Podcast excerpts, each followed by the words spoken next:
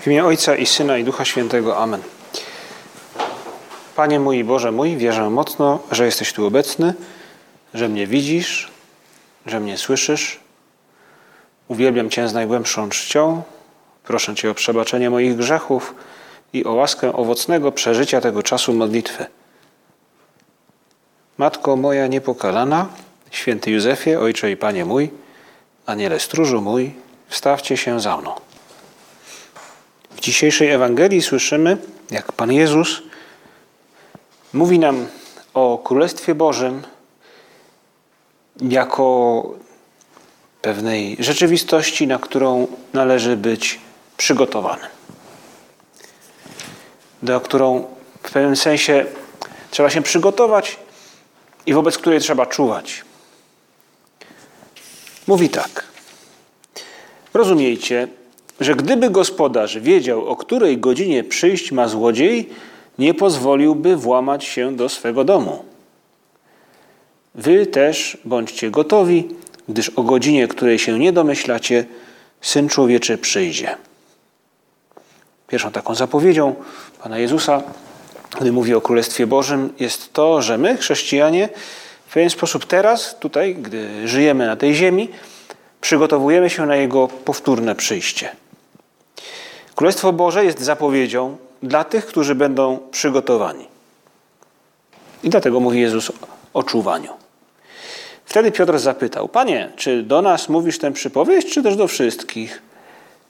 Pan odpowiedział: Któż jest owym rządcą wiernym i roztropnym, którego Pan ustanowi nad swoją służbą, żeby rozdawał jej żywność we właściwej porze? Szczęśliwy ten sługa, którego Pan, powróciwszy, zastanie przy tej czynności. Prawdziwie powiadam wam, postawi go nad całym swoim mieniem. Lecz jeśli ów sługa powie sobie w sercu, mój Pan się ociąga z powrotem i zacznie bić sługi, służące, a przy tym jeść, pić i upijać się, to nadejdzie Pan tego sługi w dniu, kiedy się nie spodziewa i o godzinie, której nie zna, surowo go ukaże i wyznaczy mu miejsce z niewiernymi. Ten sposób mówi Pan Jezus, ukazuje jakby drugi aspekt tego czuwania, w którym pokazuje nam naszą rolę chrześcijan jako osób, które w pewnym sensie czymś zarządzają.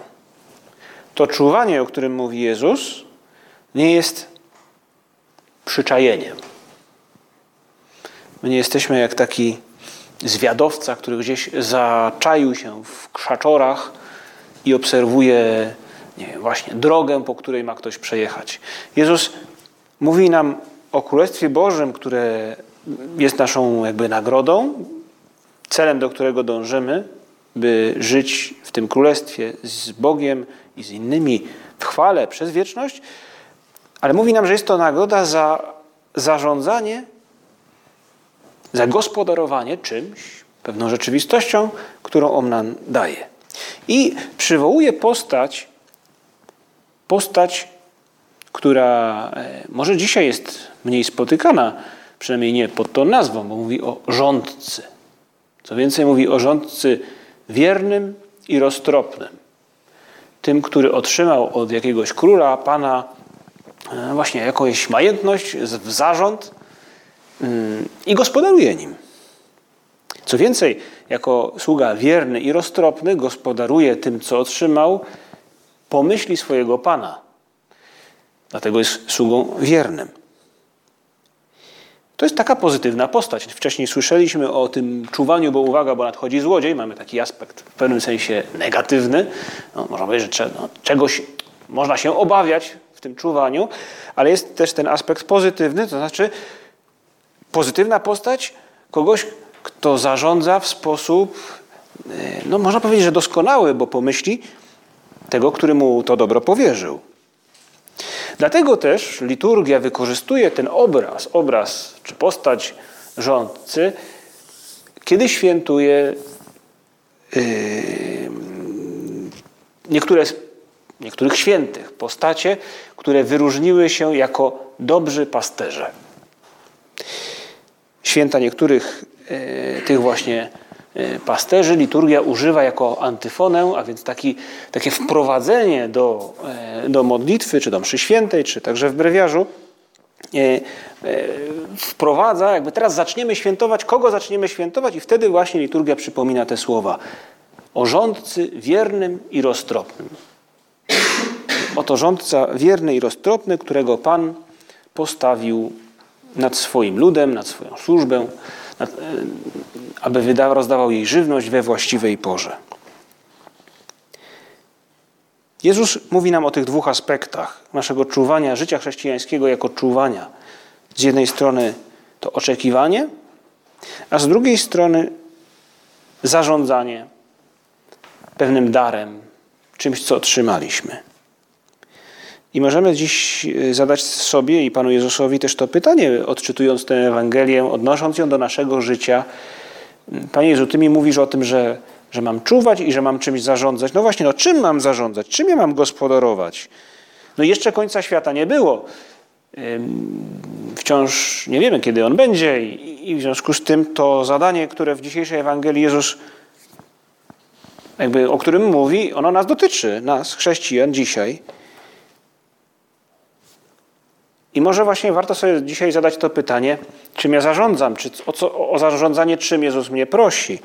I żeby odpowiedzieć na to pytanie, może powiedzmy sobie, co ja mam najcenniejszego.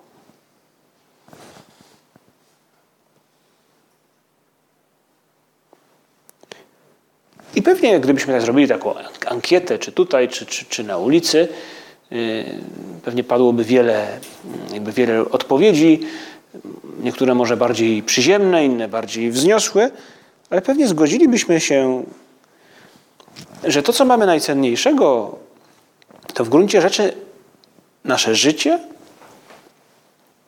i świat, w którym żyjemy.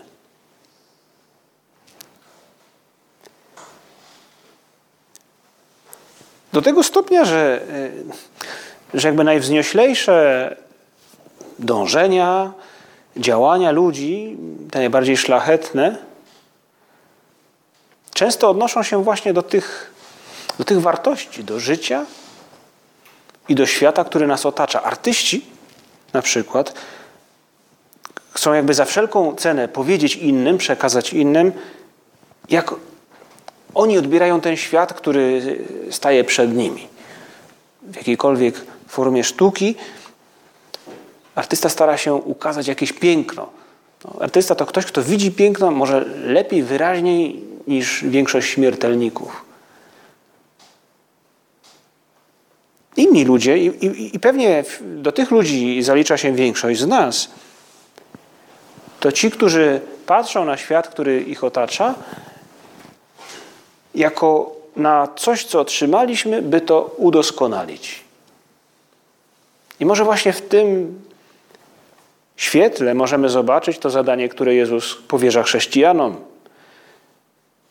Powiedzmy sobie w sercu, Panu Jezusowi w naszym sercu, Panie Jezu, pomóż mi być takim dobrym rządcą, wiernym i roztropnym w odniesieniu do mojego życia i do świata, w którym żyję. W gruncie rzeczy w tych słowach Jezus wzywa każdego z nas do tego, by brać życie na serio. Żeby brać życie i świat, który mnie otacza na serio, realistycznie. Żeby, mówi nam, bądź takim rządcą wiernym i roztropnym, który zostawi po sobie jakiś ślad.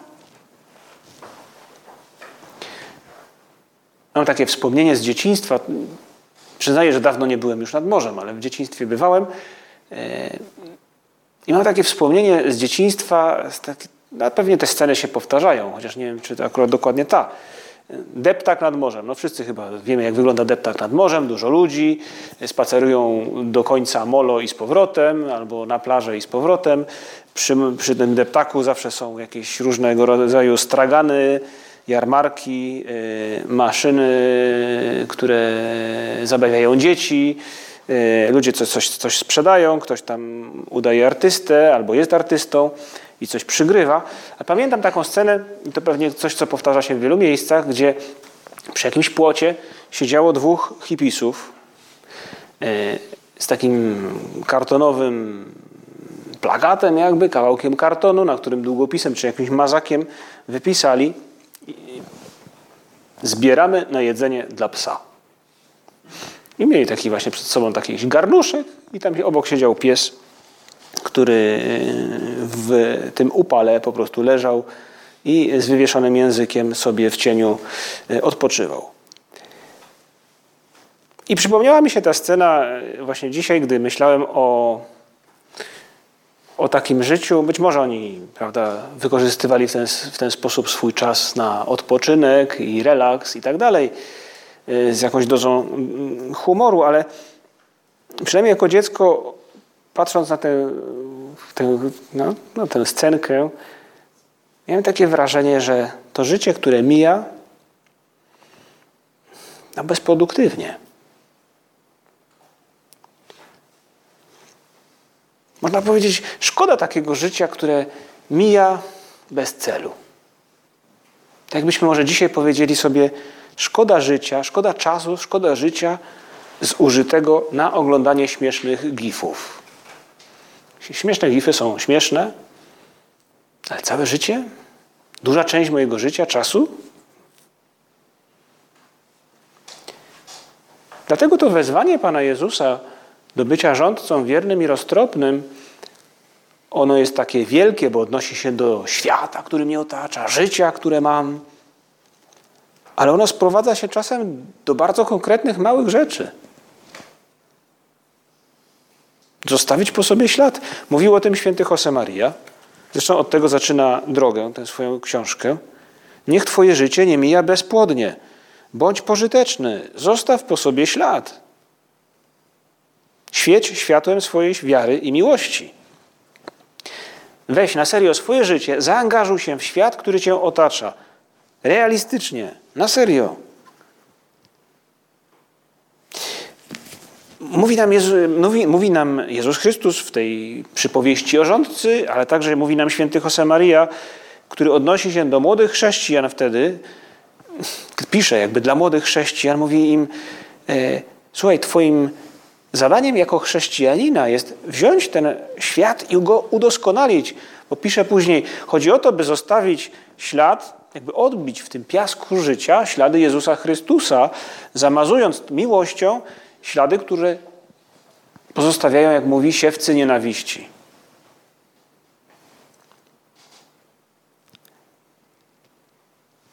Papież Franciszek odnosił się, odniósł się zresztą w, w Krakowie podczas Światowych Dni Młodzieży parę lat temu. Wtedy też, gdy mówił o kanapie, pewnie wszyscy słyszeliśmy o kanapie, mówił też, że nie przyszliśmy na świat, aby wegetować, aby wygodnie spędzić życie, żeby uczynić z życia kanapę, która nas uśpi. Przeciwnie, przyszliśmy z innego powodu, aby zostawić ślad, aby zostawić trwały ślad po sobie.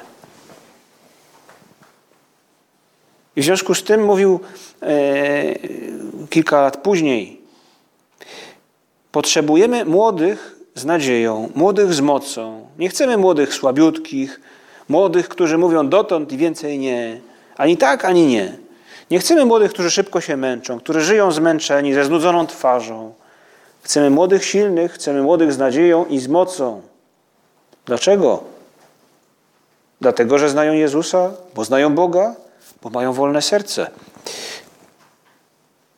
W tym świetle możemy rozumieć tę Ewangelię, którą dzisiejsza liturgia nam przypomina. Historię o rządcy wiernym i roztropnym. I prośmy w naszym sercu teraz Pana Jezusa, by dał nam poddał nam jakąś, podsunął nam jakąś myśl, jak to zrobić w konkretach i by napełnił nas swoją łaską, mocą, by to nam wychodziło. Bo wzywa nas Jezus Chrystus do swego rodzaju rewolucji. Bo mówi nam, zaangażuj się w świat. Mówi o odwadze, mówi o energii, mówi o awangardzie, o byciu awangardą. Mówi o wierności i o roztropności. Jaka to rewolucja? Bo nie wzywa nas Jezus Chrystus do tego, byśmy szli teraz na barykadę. Nie wzywa nas do tego, żebyśmy e, przekreślili innych ludzi i uważali ich za gorszych, albo zgładzili z powierzchni ziemi.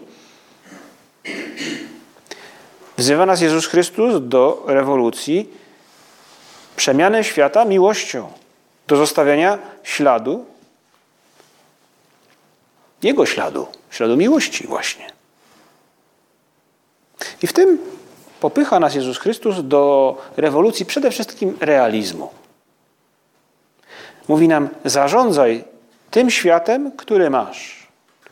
Poszerzaj go, spraw, by on był lepszy. Pewnie każdy z nas przypomni sobie teraz przypowieść o talentach. Czym innym są talenty, jak nie tym światem, który mam. Świat, który mam, to są moje zdolności, to prawda, ale świat, który mam, to jest moja rodzina, to są moje studia, to jest czas, który posiadam, którym dysponuję, to są znajomi, których mam, sąsiedzi, to jest biedronka albo żabka koło mojego domu i tramwaj, którym jeżdżę na uczelnię. To jest mój świat. W przypowieści o talentach są postacie, które widzimy, że są takimi wiernymi rządcami, bo zostają nagrodzeni. Sługo dobry i wierny, mówi im ten król, który powraca. Ale jest też dobry teoretyk, który przegrywa nagrodę. A my w kontekście tego czuwania, o którym dziś w Ewangelii mówi Pan Jezus, dalibyśmy chyba wszystko, by być tym, który nagrodę wygrywa, a nie zostaje jej pozbawiony. Ten dobry teoretyk mówi, a, wiedziałem, żeś człowiek twardy. Ale w tym, co on mówi, w tych jego słowach o tym, że lepiej to zagrzebię, albo schowam minę w chustce w tej przypowieści o minach, w gruncie rzeczy jest niechęć do tego, by się ruszyć, niechęć do tego, by się zaangażować. To teoretyk, który widzi mm, możliwość zrobienia czegoś innego, a to, o co go poproszono, w pewnym sensie jest poboczne.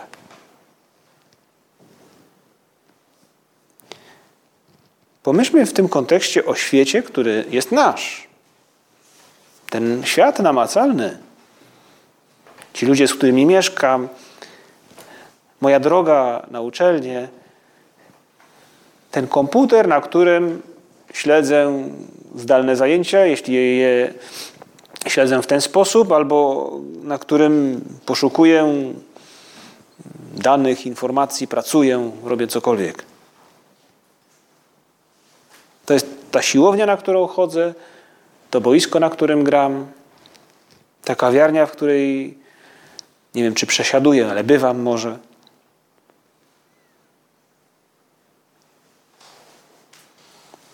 Jest inna przypowieść, nie, nie ta o talentach, ale e, o robotnikach z winnicy, w której, jak wiemy, e, właściciel winnicy wychodzi na rynek i, i, i wzywa kolej, o kolejnych, mijają godziny, a on co jakiś czas wychodzi na rynek i najmuje kolejnych robotników. Chodźcie do winnicy, co co tu tak siedzicie? A, bo nas nikt nie najął. Chodźcie do winnicy.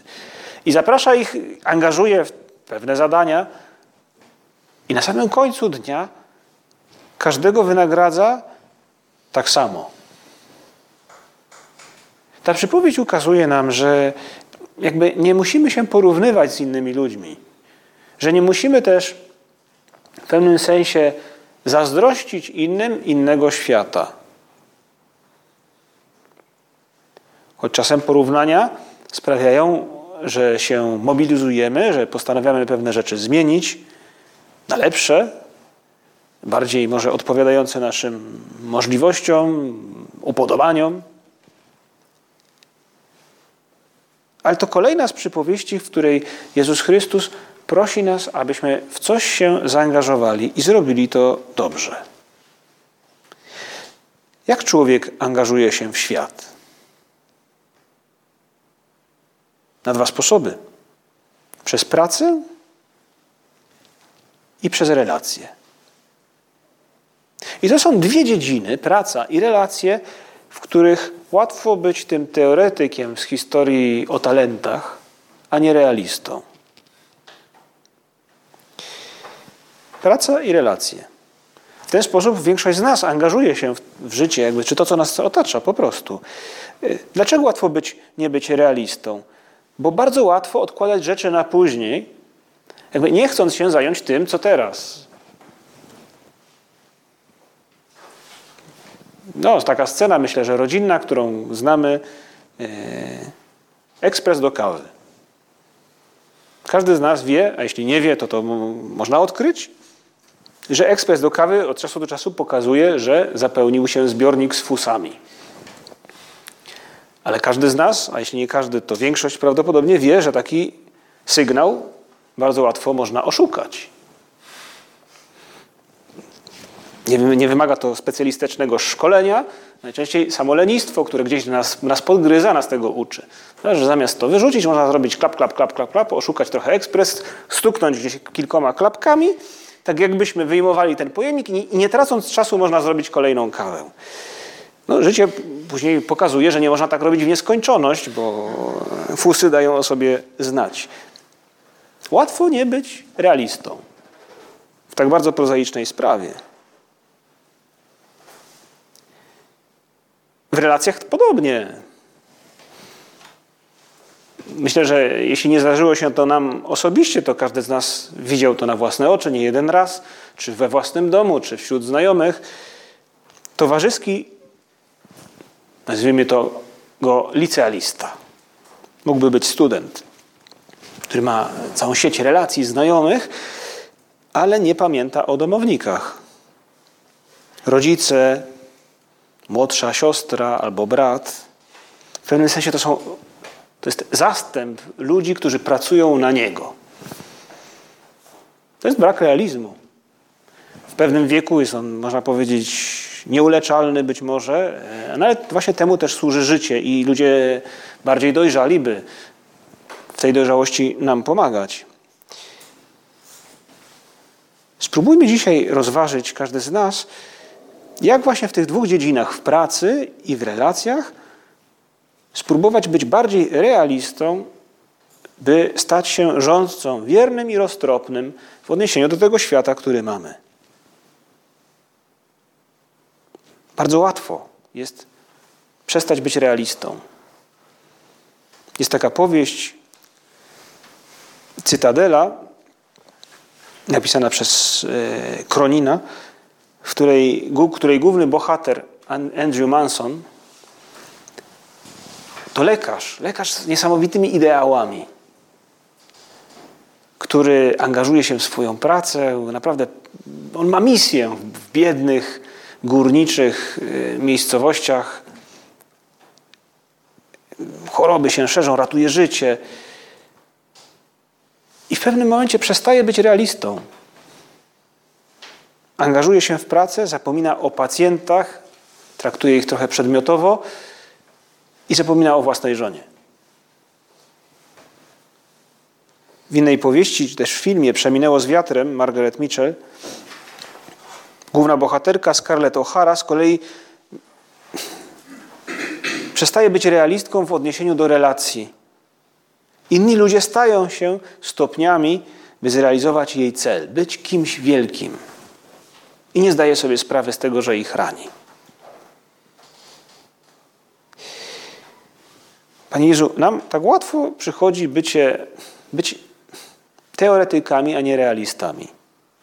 Tak łatwo nam jest z tego świata, który na nas czeka i, który, i w który prosisz nas, byśmy się zaangażowali, łatwo nam przychodzi wycofać się z niego. I mówi nam doktryna Kościoła, sam Ty, Panie Jerzy, nam mówisz, skąd to się to bierze. To jest grzech, grzech pierworodny.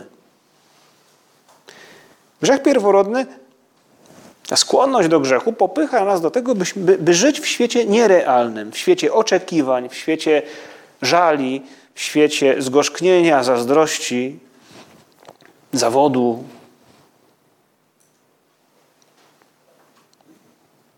A Ty, Panie Jezu, popychasz nas do tego, byśmy z realizmem zaangażowali się w to życie, które mamy. Bez odkładania na później, bez oszukiwania siebie samego.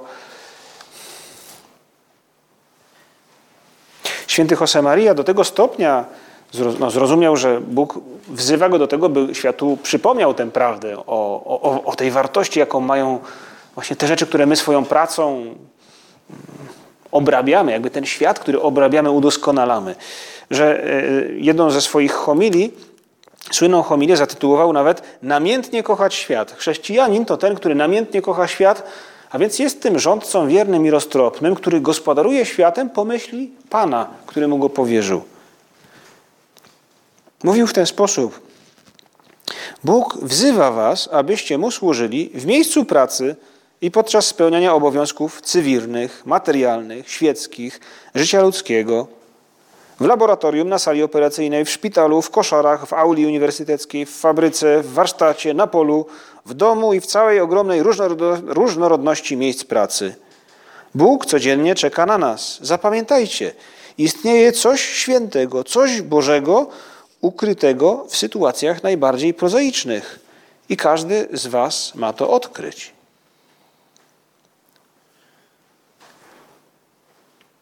To coś Bożego to właśnie ta nasza rola. Rola, którą Jezus Chrystus nam zleca, by być jak On, by być Nim samym w tym świecie.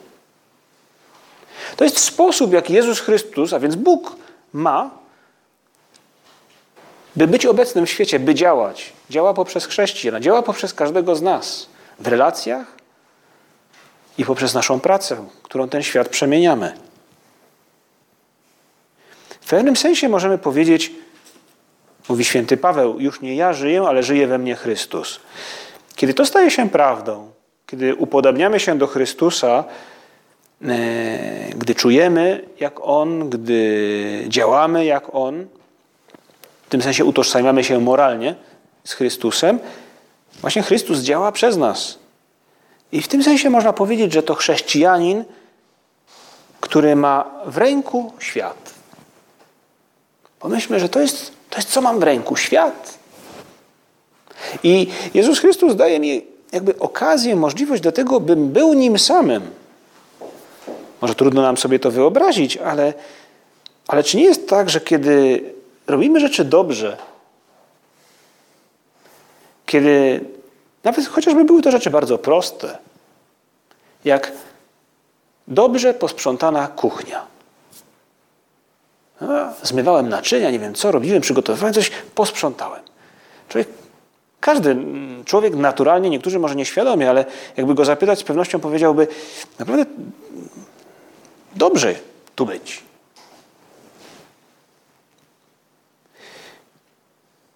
Dlatego mówi święty Josemaria później w tej homilii, że chodzi o to, by odkryć coś Bożego, ale w gruncie rzeczy ten chrześcijanin, który, przez którego Chrystus działa właśnie w tym świecie, on w pewnym sensie sprawia, że niebo spotyka się z ziemią. Niebo i ziemia, dzieci moje, zdają się łączyć na horyzoncie, ale tak naprawdę łączą się one w waszych sercach, gdy żyjecie uświęcając życie codzienne. Dzięki nam wtedy właśnie Bóg doskonali świat, który stworzył.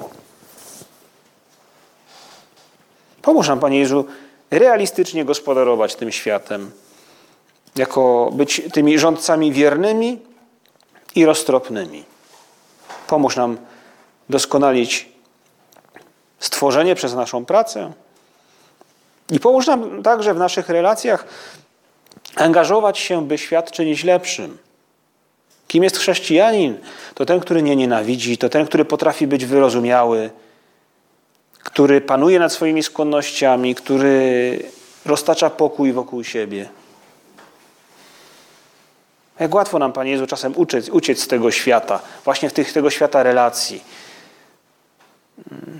Bo pewne rzeczy mi nie odpowiadają w mojej rodzinie, współlokator, znajomi z grupy, ludzie z pracy, może nie wszyscy naraz, bo było to, już było, to już byłoby pewną poważną patologią, ale czasem są pewne postacie, które dla nas jakby są, nie są z tego świata. On dla mnie nie istnieje, nie angażuję się.